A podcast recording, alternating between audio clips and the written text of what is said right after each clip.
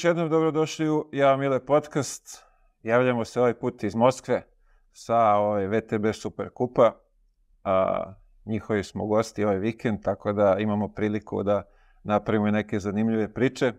Pre svega zahvalnost Admiral Betu i Matijašić Vinogradima, kao i svake srede. A, I još da zamolimo zapravite YouTube kanal da budete u toku sa našim pričama i novitetima imam čast i zadovoljstvo da ugostim selektora Slovenije. Sa nama je tu Aleksandar Sekulić. Aleksandre, dobrodošli u ovaj moj skromni šov. Pozdrav. super kup je povodom njega smo ovdje. Skupili se utisti tvoji za sada. S obzirom da je, ok, ajde, prvo, prvo utakmica je prošla, CSKA je pao. Da, Jednostavno. Da, je ovaj kup, ja mislim da je dobra uvertura u sezonu, uh, da se nekako provjeri neka forma i stvari koje želimo da vidimo u sezoni. Naletalo nam da igramo sa CSKA u finalu i za nas se završilo dobro, dobili smo, napravili opet neko iznenađenje i a gledamo dalje, mislim da ova utakmica je samo jedna utakmica u, u nizu onih koje će biti bitne celu sezonu. A, ekipa izgleda dobro, što bi rekli, tvoji pomoćnici su odradili dobar pripremni period. Da, ima veliku sreću i, i kako kažem, e, pa možemo kažem i, i, čast da imam tako dobre trenere u klubu, ne samo košarkarske trenere, nego i kondicionalnog trenera ima dobar stav što se, e, što se tiče medicinskog stafa. Tako da su odradili odličan posao za, u tom periodu kad sam ja bio s reprezentacijom. Uh, ono što je najbitnije, Jurica zna šta, ja želim od ekipe, koji su, uh, su moje, uh, kako da kažem, ideje. Tako da je puno lakše. E, I na kraju krajeva stvarno su dobro spremili tim. Znači pripreme su prošle u najboljem redu. Ovo je bukvalno sad posljednja, ali tako, posljednja provjera pred početak lige. Liga kreće već sljedeće nedelje. Da. Nadamo se o ovaj, uspešnoj sezoni za nijansu uspešniju nego pa, prošle godine. Da, neko mi je rekao kad smo bili posle, posle e, poraza u finalu, kad smo zgubili Duniksa, rekao mi je, ovo ti tek prva sezona u VTB-u, gdje ćeš više, biste polako, ne možeš, moraš korak po korak ali svi smo ambiciozni da i želimo uvek da pobeđujemo, pa ćemo da vidimo kako će ove sezone, jer Liga će da bude veoma jaka. Još jača nego prošle sezone.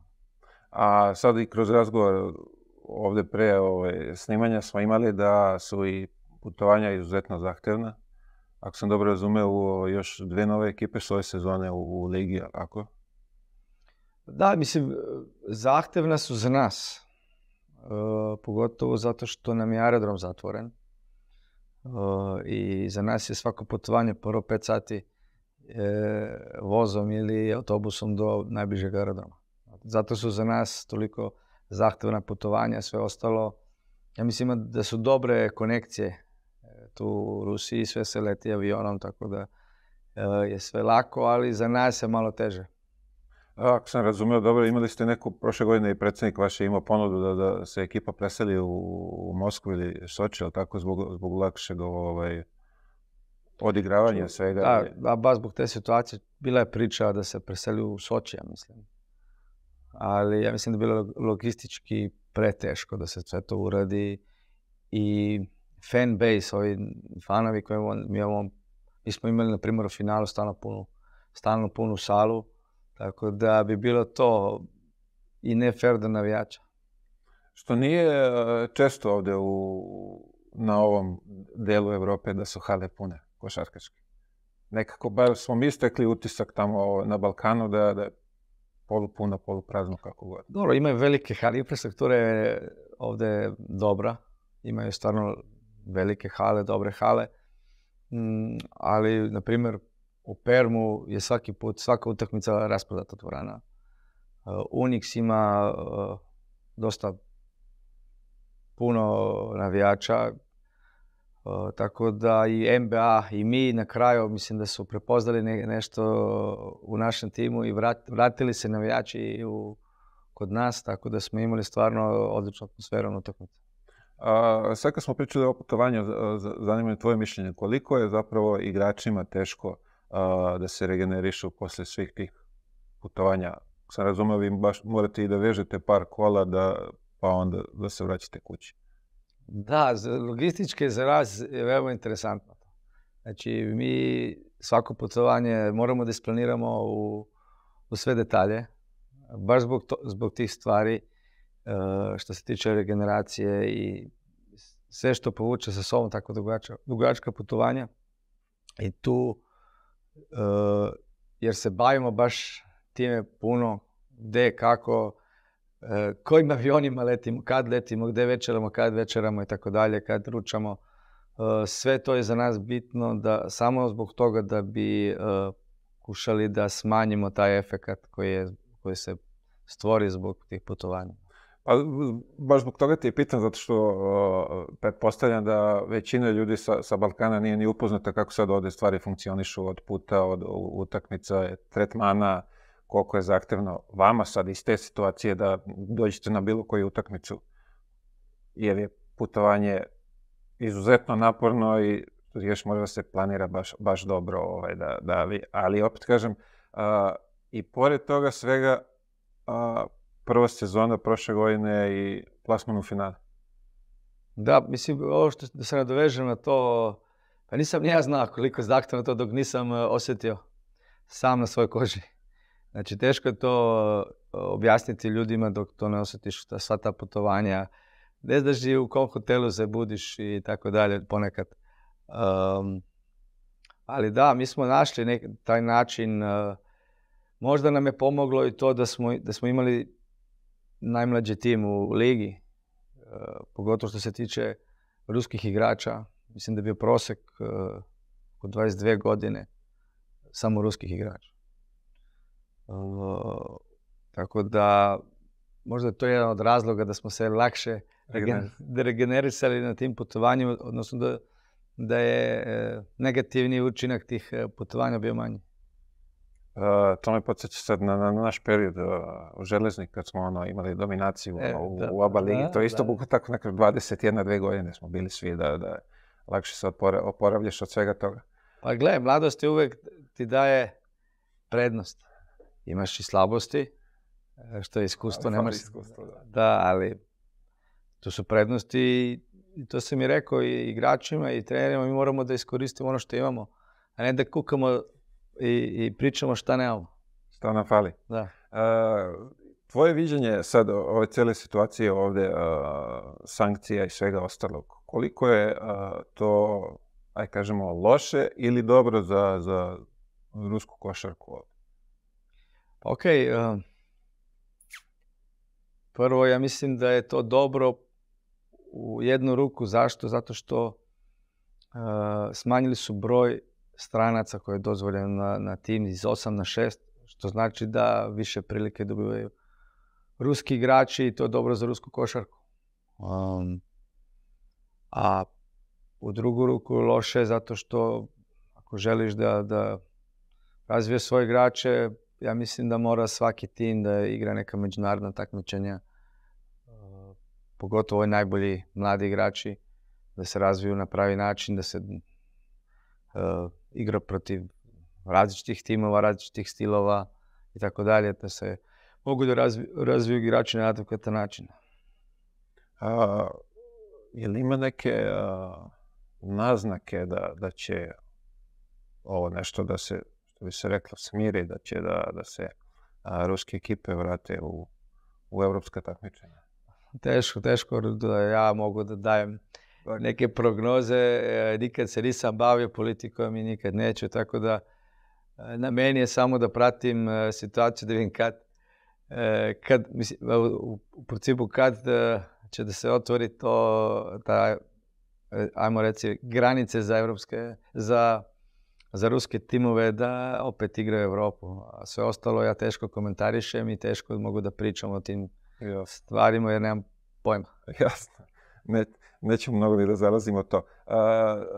još mi jedan zanimljiv detalj oko toga svega zanima. A, tvom izboru stranaca, jel ima sad ovaj, teško dolaziš do, tih, aj kažemo, američkih igrača koji bi došli ovde na... Pa da, nije lako. Iz više razloga. Jedan od razloga je taj da, da Lokomotiva Kuban je uvijek imala odlične strance. I standardi su uvijek bili visoki. I sad, da smo željeli da dovedemo takve strance, to znači da treba doveti igrače u svom prajmu, kad su između 26. i 30. godine. Eh, I teško naći te igrače jer žele da igraju evropska takmičenja. Ili to Euroliga, Eurocup. A drugi problem što je da da neki eh, se ne osete da bi igrali ovdje u Rusiji. Da bi bili samo, ne samo zbog VTB lige, nego zbog cele situacije koje eh, nije baš uh, naklonjena Rusiji. Što se tiče tih stvari što smo malo pre pričali. tako da nije lako.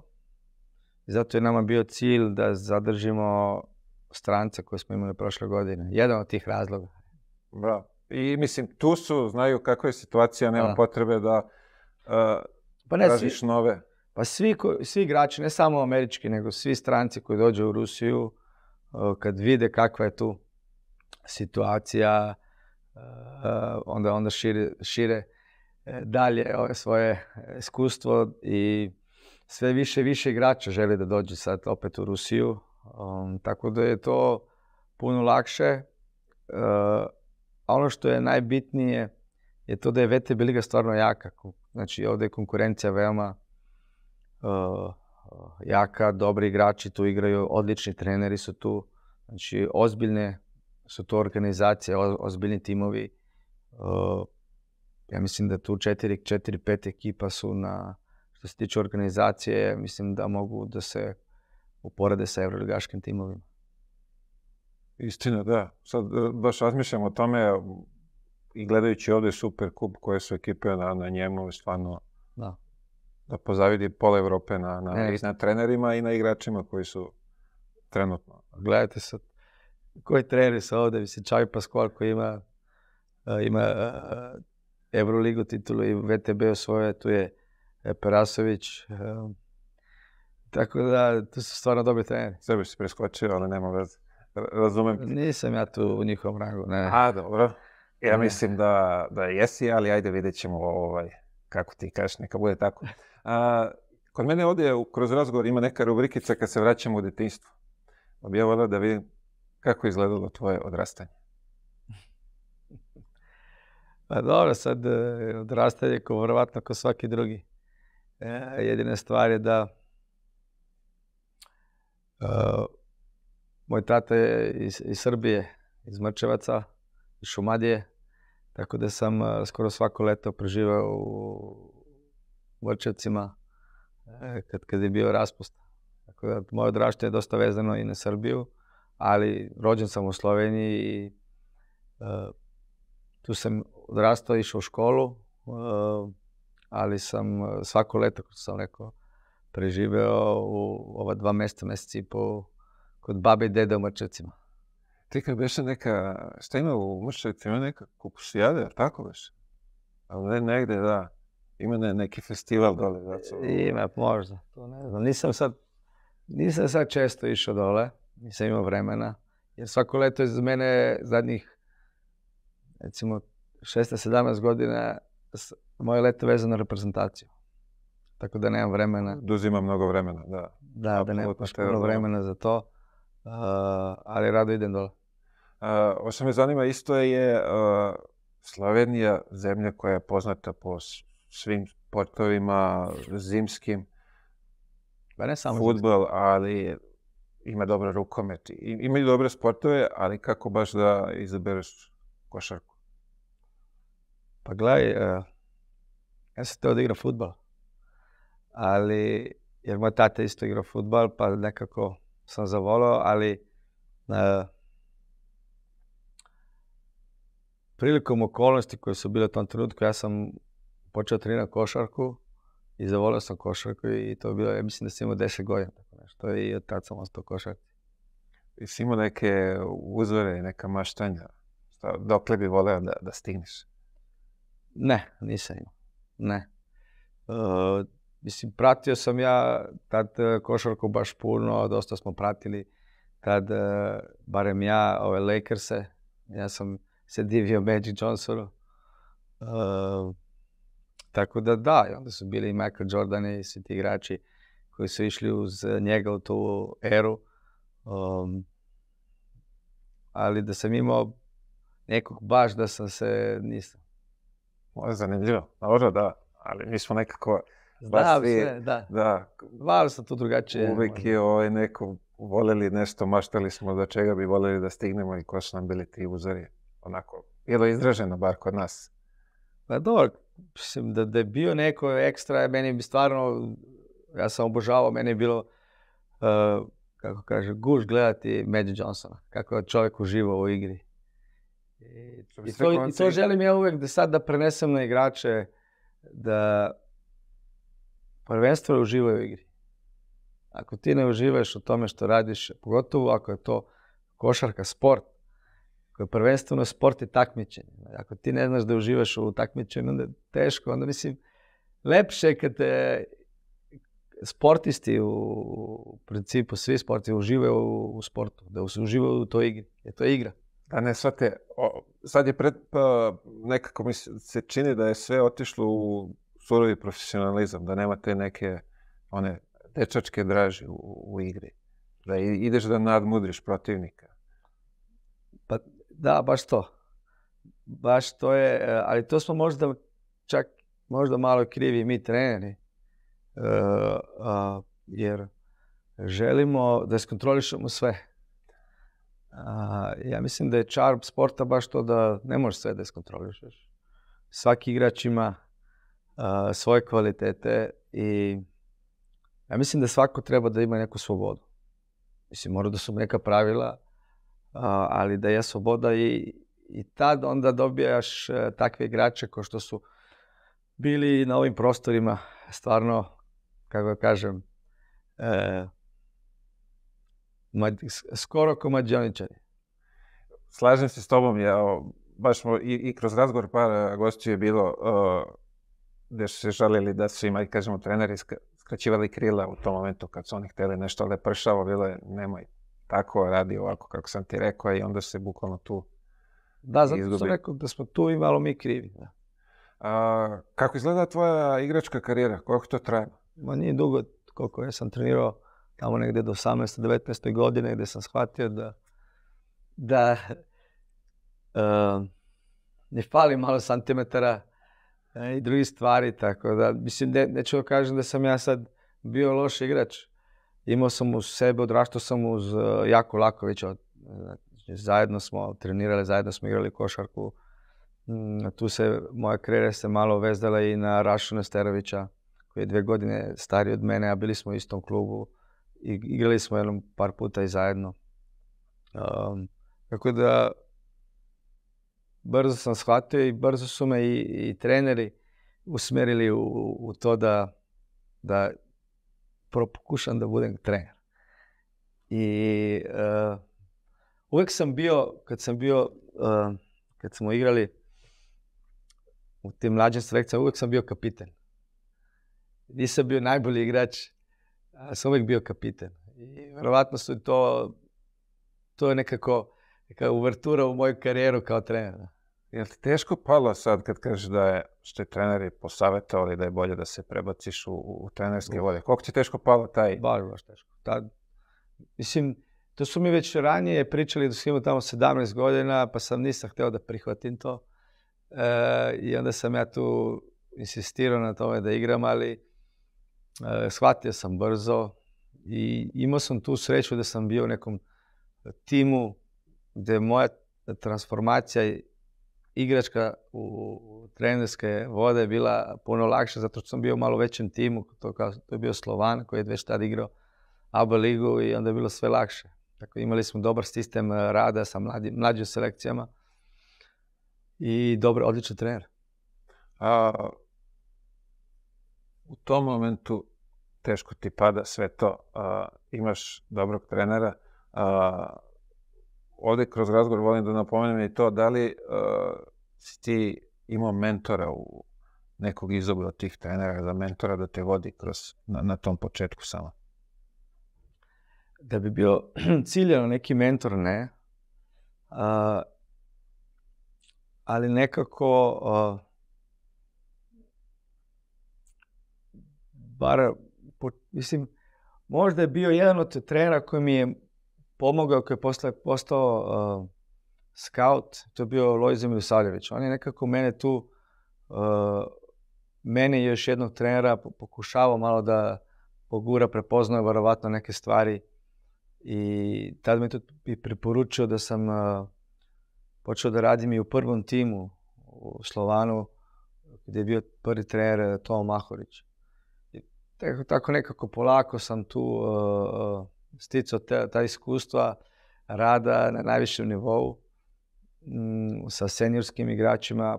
Pre toga sam puno radio sa mlađim. Da nisam imao nekoga ko bi e, bio moj mentor. tu sam se učio na svojim greškama. Ali kažu da je to najbolje. Iz iskustva. Pa pa, ja, mislim, da... je bolje se učiti na tuđim greškama. tako? ali ne, možeš da osjetiš kako je ovaj, na tuđim greškama. Slažem se, da. Ove tvoje te više bole i onda ti nekako iskristališu te poslika kao čovjeka. me zanima prelazak tvoj u, Krku. Si tamo, si ba, samo mi ispravi ako grešim, kod Džileta, što bi se reklo, prve, prve godine sa Džiletom saradnja ili ne? Ne, ne, uh, ja sam nekako tu plivao u Slovenačkoj ligi. Bio sam, dobio sam šansu jako mlad da vodim Slovan. Uh, kao prvi trener, mislim sam 29 godina, 28 godina. Um, mislim da je Aleš Pipan otišao na Poljsku i, i tu su meni dali šansu da odvodim tim, mislim da je bilo to sezona 2, 2, 6, 2, 7. I i tu sam nekako plivat u Slovenačkoj ligi i onda mene Džile posle njegove prve uspešne sezone u Krki gdje su osvojili eh, eh, titulu, on titulu, doveo mene za pomoćnog trenera. Da. Tako je moja, eh, epizoda u Krki počela. Kako je bila saradnja sa Buletom? Nevjerovatno. Ja mislim da meni je Đile dosta promenio košarkarsku filozofiju, uh, jer prvo, ja mislim da on eh, jedan od trenera koji je dosta promijenio i u slovenačkom, na slovenačkom prostoru razmišljanja. mi smo bili svi pod utjecajem Zmage Sagadina, koji je napravio vrhunske rezultate eh, i njegov utjecaj na nas trenere je bio veliki. I nekako smo svi eh, pratili njega. Onda je tu došao Džikić koji je malo donio nekog svog eh, miksa sa srpski, sa ovih naših prostora, ajde sa eksiju prostora i miks Amerike. On je bio već u Americi pre toga, tako da eh, dosta toga promeni u Sloveniji eh, i, i na mene je imao veliki utjecaj. A, sad kažeš, e, promenio, je možeš nešto neki detalj da, nam daš taj, e, ok, bio je u Americi, radio je u NBA ekipi, radio je sa Duletom isto kao pomoćnik i dolazi nešto što kažeš donosi novo u, našu košarku. Koji detalj bi izdvojio? Ajde, mislim, e, ajde da kažem ovako, da pojednostavim, uh, je ono što, što smo malo prepričali, neku slobodu Znači da, da nije sve samo sistem. Da nije sve ti moraš ovo, ti moraš ovdje stojiš, ti moraš da radiš to tako, nego malo se znao više da, ili ne malo više, nego puno više da se prilagodi s igračima i da im da slobodu. Slobodu da, da kreiraju e, košarku ili na stvari na utakmici ili treningu na, na svoj način. Znači da se prilagodi tim igračima. Znači to je bio jedan e, jedna od važnijih stvari što se toga tiče. I drugo je da odbrani postoji različiti načini, nema samo jedan način. Tako da i imaš i dobre i loše odbrane igrače. I da ne znači ako ti nisi dobar odbranben igrač da ne možeš da igraš. I tako dalje. Znači puno tu stvari, a da i druge stvari što se tiče uh, njegovog razmišljanja u napadu, kako kreira situacije za igrače, kako to E, prilagođava vođenje utakmice, tako dalje. Puno tih stvari. Zanimljivo hvala na, na, što si podelio. Mislim da će od ovih mladih trenera kogod bude slušao da ćemo, da ćemo biti zanimljivo kako to izgleda iz, iz tog tvog ugla. Pa e, slušaj, bilo meni zanimljivo raditi sa Gilletom, To, je isto zanimljivo, ja. Dobro, on kao osoba je e, zanimljiv tip. Ne samo... košarke. Kao osoba i kao trener. Sve strane. Puf. Puno, puno zna, puno veliki pozdrav za Dilata ako, bude gledao slučajno ovo. selektorska pozicija. Slovenije, me zanima da li si maštao kad si krenuo u trenerske vode? Da li ti je to bio neki cilj?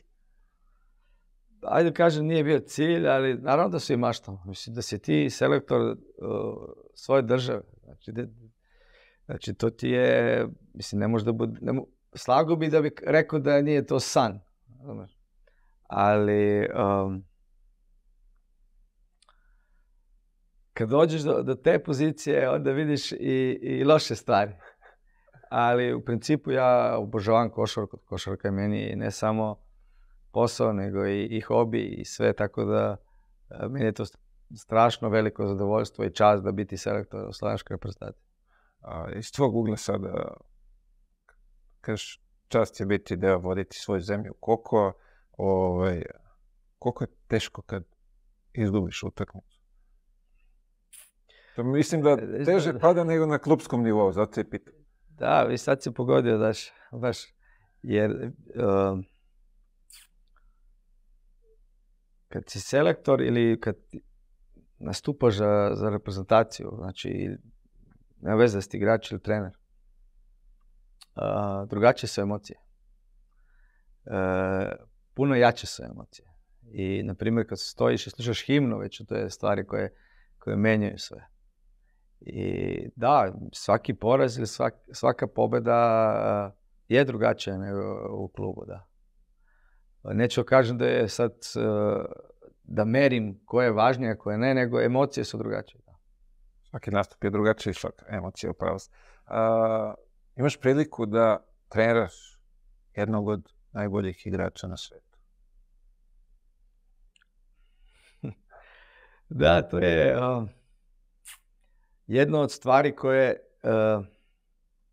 nisam nikad kao trener razmišljao o tome da, da bi sad, šta bi se desilo da, da, da, vodih, da, imaš u timu koga vodiš tako igrača, tako dominantno igrača kao što je Luka Dončić dugo nazad sam čitao knjigu, mislim da je bio Bobby Knight, koji je pričao o, svom svojim iskustvima. mislim da je on bio koji je vodio Michael Jordana na olimpijadi u Los Angelesu.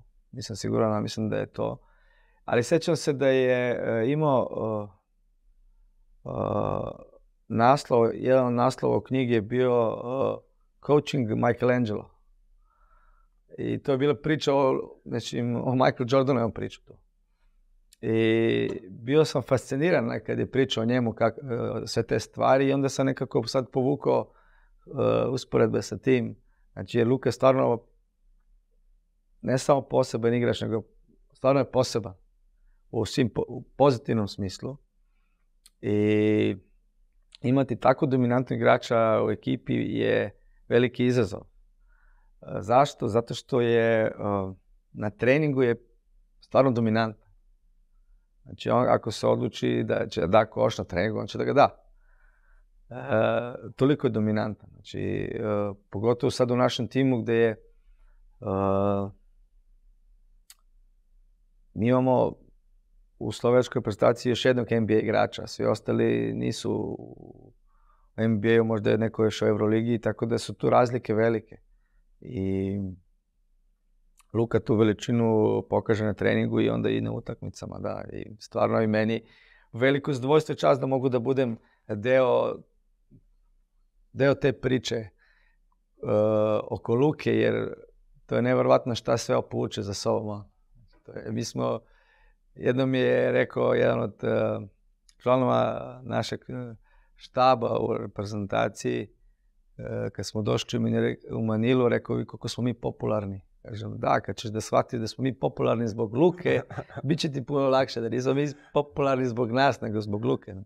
Ja, sad, smo baš e, imali se razgovor i sa ovim našim novinarom koji je, bio tamo radio prenose uživo. Kaže da je tolika popularnost njegova na Filipinima bila u Japanu gdje ste već igrali, a pogotovo kad je došao na Filipine da je to nešto nevjerojatno. Bukvalno ono zagrevanje kad uzme loptu, oni već da, Rekao sam, da. Samo kad uhvati loptu, već to. ne, da, ne samo na terenu, i van terena. Znači, ja sam sad prvi put vidio u životu da neko čeka, pa ne neko, ne jedan, nego desetine ljudi bukvalno pred hotelom čekaju 7 dana. Samo da ga vide ili dobije potpis. To je nevjerovatno, ja to nisam vidio u životu. A dobro, to je ovaj NBA, pa, NBA stil sad, on je prema... Ja nisam bio nikad u NBA-u, tako da ne znam. zanima me sad koliko je zapravo, uh, koliko utiče to na njega, na, vas kao ekipu, jer, vam smeta to u tom momentu, 50 ljudi stoji ispred hotela par dana, čeka da on izađe. Kako se vi osjećate kao ekipa? Vi ste deo toga, tim ste. Pretpostavljam da ima nekih i opterećenja. Da, da ide Luki. Znači, njemu Jer mora... stvarno da, da potpiše puno dresova, slika, lopti i tako dalje. Njemu najteže, a svima nama, mislim, meni lično ne smeta. mislim da je ne i ostalima. Na, mislim, naprotiv, nama prijato. Tako da ja ne vidim tu nekakav problem u tome. Mislim, jedini problem je tu možda koji, ima problem je Luka. Jer stalno, on ne može da izađe iz hotela u Manili, nije mogao da izađe normalno iz hotela. Uvijek je mora da ima security u sebe ili u hotelu. Njega čekaju u hotelu. Njega ovaj, policajci su se slikali s njim i tako dalje. Znači... Dobro, to je planetarna zvezda. On bukvalno je planetarna zvezda, mega zvezda, tako da što je futbol, e, što je u futbolu? lupa Messi i Ronaldo, on je to sad u... Pa gledaj sad, reći ti jednu, e, meni je bilo to fascinantno, kad smo igrali kvalifikacije 2021. u, u, u Litvaniji, u Kaunasu, kvalifikacije za olimpijadu. I sad smo igrali polufinale sa Venezuelom. Venezuela je tim koji je stvarno, mislim, imao je dobar tim, ali igrao fizički, znači oni stvarno su udarali, jako su igrali. I tu je Luka dobio baš batine na toj utakmici. Stvarno su ga dobro izudarali. Mi smo tu dobili utakmicu i na kraju smo osvojili turnir. Ali ono što sam htio kažem je posle utakmice. Znači, oni su došli igrači Venezuele su stali u red pred, pred slačionicu, Čekaj Luku da izađe da se slika s njim. A pre toga, znači, znači, takva zvezda je da je to nevjerovatno, da. Koliko je eh, Ajde, on je velika zvezda. Koliko je tebi teško ili lako trenirati takvu zvezdu? Ajde, sad da se lažemo, nije, nije lako, ali uh, veliki izazov. Uh, a ono što sam htio da kažem je da eh, puno je lakše voditi, imati u timu takvu zvezdu zato što je Luka takav kakav je. On, želi, mislim sad se možda malo menja, ali on želi da bude e, deo tima kao normalan igrač, ne da bude sad on dolazi tu kao superstar, nego hoće da bude normalan, e, što je teško za njega. Mislim u smislu da bude jedan od između 12 igrača, nego je stvarno je poseban, ali e, on se ne ponaša tako i to je ono što je najbitnije i, to je ono što meni olakšava posao malo pre kad smo pričali, spomenuo si i povrede koje se desile. Vlatko Čančar, nažalost, povredio se, to je pretpostavljeno i poremetilo vaš plan za svetsko prvenstvo i taktiku, šta god da, ste imali. kako si zadovoljan sad, to jest utiscima sa svetskog prvenstva?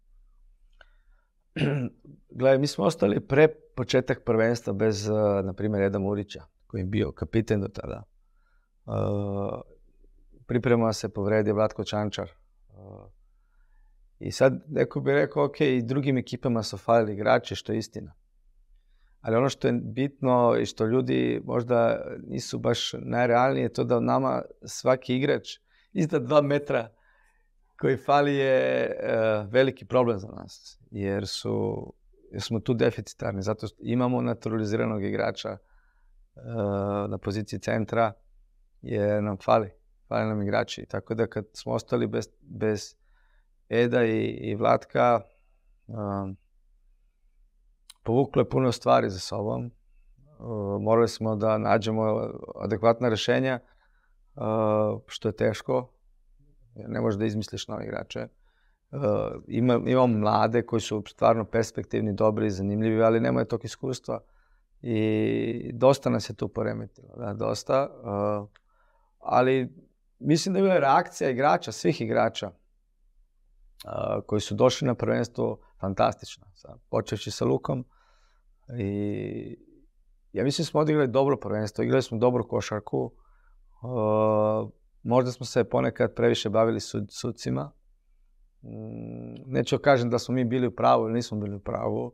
Jednostavno moraš da znaš da skontrolišeš e, sebe, emocije i kad se se ti nepravda na terenu i to je dosta ono e, malo iznakazilo ono sliku o, je mislim sliku sebe koju smo prezentirali na, na tom prvenstvu jer stvarno smo igrali dobru košarku i bili smo u finalu veoma blizu da iznenadimo i, i Kanadu koja je za mene jedan od favorita i osvojili su medalju na kraju krajeva jedan od favorita za osvajanja medalje. Tako da smo, možemo da budemo zadovoljni i možemo, mogu da kažem da smo išli sa ovog presta to glavom. E, sad kad si sudije, baš e, baš moje lični utisak da ti kažeš da ste previše trošili energije, pogotovo Luka, nekako i vamo u Srbiji što smo gledali, on mnogo se e, da kažemo, daje nekoj, tim nekim sudijskim greškama gdje on, mislim, sam sebe izbaci iz igre, a posle povuče i sa igrače svoje zbog tih sudijskih odluka. Gledaj, to, to je istina, da. On povuče igrače za e, sobi onda gubimo energiju na stvarima na koje ne možemo da utičemo. Ali jedna stvar koja je, koja je bitna, jer sve, sve, sve te gestikulacije Luke su vezane ne na greške sudija da li je neko stao u aut ili da je bila trojka, nije bila trojka, nego su sve su vezane na faulove, na kontakt igru. I tu je dosta, do, može da se polemiše puno o tome, a, ali Luka je toliko dominantan igrač i fizički i tehnički a, da ga protivnik teško zustavi bez faula. Stvarno teško. Znači, skoro praktički nemoguće da ga zusteš, e, i da ne napraviš faul ili da je malo jači kontakt. I zanimljivo je vidjeti, na primjer, e, Lukine ruke e, posle svake utakmice, znači ovdje od podlaktice dole, to je strašno. Znači to, je da imaš paletu boja. Ja mislim da je zato njemu teško toliko pada jer osjeća taj kontakt, puno se ga udara. E, mislim, da i tu, iz, toga izlazi ta frustracija poslije. Ja mislim da je teško je podneti da te stalno neko udara. Stalno te udara neko i sad svira se faul i ne svira se faul. Nama veze. Stalno te neko udara, sam znaš kako je to, kako to kad e, igrač e, dobije udarce i onda još ne sankcioniše. I tu je jedna od jedna od važnijih stvari za Luku u karijeri je da će morati da, e, da nauči kako da e, kontroliše te svoje emocije i kad se mu desi ta nepravda. To sam, to sam baš tako e, da te pitam. Kako, da li postoji neki način da, kako bi on mogao to da predupreti, da, da, da sebe i izvuče iz te situacije? jer tačno primjeti se, moje, moj utisak, kao što sam rekao, je da on bukvalno iz te neke komunikacije sa sudijama izbaci iz sebe igre, a posle povuče još dva, tri sa igrača u nekako neki način kako je mogu onda to reši, da, se posveti više, da, ali to je verovatno neko pitanje za njega i ljude oko njega koji se... Slažem se. Luka igrač koji se možda čak i hrani sa tim stvarima ponekad. Znaš, kad ulazi u neku, neki, svađu sa nekim, eh, možda mu to i treba. Ali morat će da nađe način. Ja sad teško sad eh, pričati o tome kako i to, ali mislim, igra u najbolje ligi na svetu. Ima u sebe stvarno dobre ljude, mislim, što se tiče profesionalizma, znači ima i do, odlične trenere, ima odlične e, ljude koji mogu da mu pomognu oko tih stvari, što se tiče kontrolisanja svojih emocija, tako ja mislim da će nađe način on. E, mislim, mi svi zaboravljamo, Luka igra stvarno vrhunsku košarku i njegove statistike su neverovatne. I zaboravljamo da ima samo 24 godine. Tako da on je još u fazi odraštanja, on nije još ajmo reći to u svom prajmu što se tiče godina. tako dakle, da imaš još vremena da te stvari popravi. Da, kakav podatak, samo 24 godine. Da, ali pravi... A toliko očekujemo svi od njega. Da. Pa šta, da, pa- treba da daš To je prva stvar. druga stvar, uh, e, sjećam se, bila neka utakmica u NBA-u je neko dao Luka, ne znam, 23 poena, devet asistencija, ne znam, i 15 je, Kaže, Luka je dao samo 23, kao. 23 MB. Da, ali navik, on je navikao sve o, pa da, ljude da je pa to, to da 30 plus i da. sve što je ispod 30 nije, nije to tako. Loš dan. Da, to nije, sve nije. normalno. Znači što pokazuje njegova veličinu. Znači kad, kad kažeš da nekoga da je dao 23, ti znaš kako teško dati u NBA 23 pera.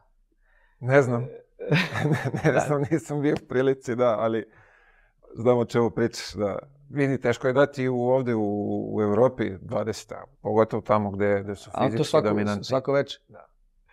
Tako da, da, gledaj, mislim, teško je sad, e, nije mu lako i morat će naći način. Mislim na njemu je, ok, da. mlad je, verujem da su ljudi oko njega zdravi, da će mu skrenuti pažnju i da će naći način kako će izaći iz toga. E, ajde ovako, šta bi izdvojio kao neki najteži moment u svojoj karijeri? o Gledaj, eh, ono što meni je stvarno teško palo, eh, opet moram da nadovežem na reprezentaciju, eh, zbog, baš zbog onih emocija, je kad smo izgubili polufinale olimpijade u Tokiju. pa ne zato što smo samo izgubili, nego jer smo imali stvarno priliku, ali realnu priliku, da uđemo u finale. I, stalo imam tu sliku u, glavi kad eh, zadnji napad kad je, kad je Luka eh, dodao loptu Prepeliću koji on je otišao na polaganje i svi smo vidjeli koš.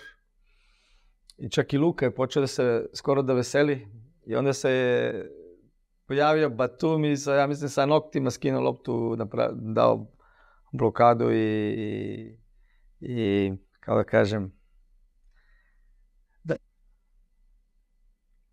pokvario snove. Pokvario, ovaj, slavlje ili snove ili bilo šta, jer mi smo, to bila za nas prva olimpijada i došli, uh, došli smo u situaciju da, da, da, se borimo za medalju, niko nije očekivao od nas.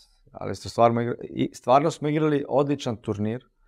Imali, bili smo, mislim, da najbolji po broju poena po utakmici i najbolji po broj skokova po utakmici, a nismo bili ni najtalentovanija ekipa te olimpijade, ni najjača, fizički ne najviše, tako da, da smo stvarno imali odličan turnir i zato mi je bilo žao. I teško mi je pao taj poraz, da. I svima nama je teško. mislim da je to bio jedan najtežih trenutaka. Pa, prva olimpijada i prilika da se uđe finale. Da. Izuzetno može. nemam predstavu kako je, ali verujem da je izuzetno bodno bilo. Da, izuzetno. Mislim, vidio sam tim posle utakmice i dan posle utakmice. Bila, bila je katastrofa, da. A pri tome treba da motivišeš inače poslije toga. Da. Za taj. To, je bilo teško. Da. Nije, lako. Uh, sad spomenuo i talenta. Zanima me koliko talenta imate vi u, Sloveniji sad za, za budućnost? ve Talenta imamo puno i mogu da kažem da imamo puno e, košarkarskih entuzijasta, što znači da imamo puno trenera koji se stvarno, su stvarno posvećeni svom radu. Situacija nije najbolja što se tiče, možda smo pričali plaćanja, nisu tu sad, ali zato kažem entuzijasti. I zbog toga imamo, mogu da kažem, dosta veliki broj mladih igrača, košarkaša, koji imaju stvarno dobru perspektivu, koji su stvarno potentni igrači. Problem koji imamo mi u Sloveniji je taj da nam brzo beže, koji vjerovatno su isti problemi svuda na Balkanu, da brzo beže u inostranstvo, u velike timove, velike sisteme neke i onda se tu izgube igrači ali imamo stvarno talentovane igrače. Znači, zato smo i uzeli, nekoliko medalja sad na um, ovim prvenstvima za mlađe selekcije. Kad kaš igrači beže u velike sisteme. Koliko je to pogubno za njih? Što, volim ovdje da naglasim, uh, i kod nas imamo taj problem prelaska iz juniorske uh, selekcije u prvu, da je da veliki broj se tu izgubi i ti mladi što odu preko za bolje uslove? Sad, teško sad komentarisati koliko se to izgubi, ali ja mislim da moramo mi svi ili mora da se potrudimo više da zadržimo te igrače, da ostanu tu.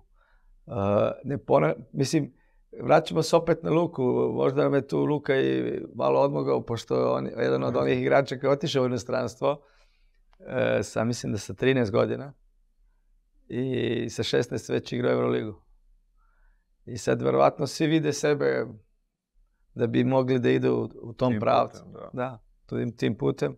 Ali um, ja mislim da je, opet vraćamo njega, da je to unikum, znači da je to pravilo, nego da to baš izuzetak.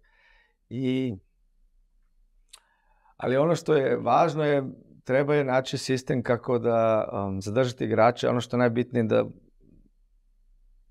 da se vrati neki sistematičan rad u klubove sa mlađim e, igračima. Znači, kao što sam rekao, mi imamo puno entuzijasta, a nemamo sistema, onog pravog sistema e, razvoja mladih igrača, da bi imali ovaj prelazak iz, iz mlađih selekcija u senjorske selekcije. Nemamo u Srbiji su tu Partizane zvezde koji igra Euroligu, u Sloveniji imaš samo Olimpiju koji igra Eurocup, sve ostali, niko ne igra europska takmičenja. Znači, to je taj, problem i vjerovatno jedan od razloga zašto mladi igrači odlaze u inostranstvo je taj jer ne vide, e, ne vide, ne vide svoj napredak u Sloveniji, jer nemaju puno prilike da, da se razviju na taj način kao što se nekad to razvijalo. Mislim, Olimpija bila pojam na Balkanu što se tiče razvoja mladih igrača u 90. godinama.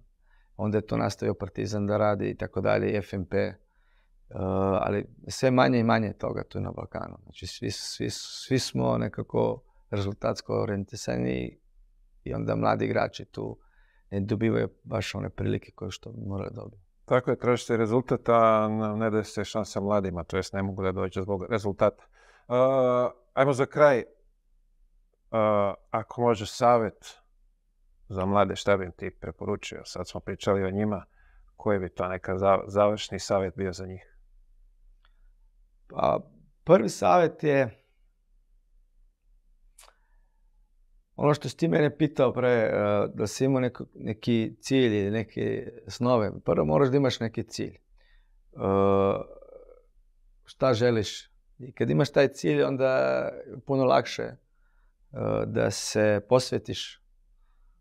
na primjer, ajde recimo tome košarci sad. I da nije ti onda teško da, da se odričeš svi ti stvarima.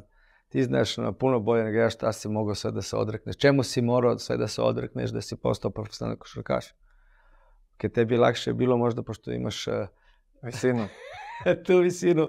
Ali šalno na stranu, nije, nije lako biti, postati profesionalni košarkaš i puno tu odricanja Eh, puno bi rekli tome, Amerikanci imaju dobar izraz commitment naš i ako nemaš to, i to je taj moj savjet, je taj da rad, znači bez rada nema uspeha, tako da to je ono što bi ja izdvojio, znači da imaš neki cilj, da, vidiš nešto pred sobom, da znaš zašto te stvari, eh, zašto je to, sve to odricanje i taj težak rad i onda puno lakše. Dragi Prijatelji gledalci, bio je još jedan Ja Mile podcast. Vidimo se već sljedeći sreda.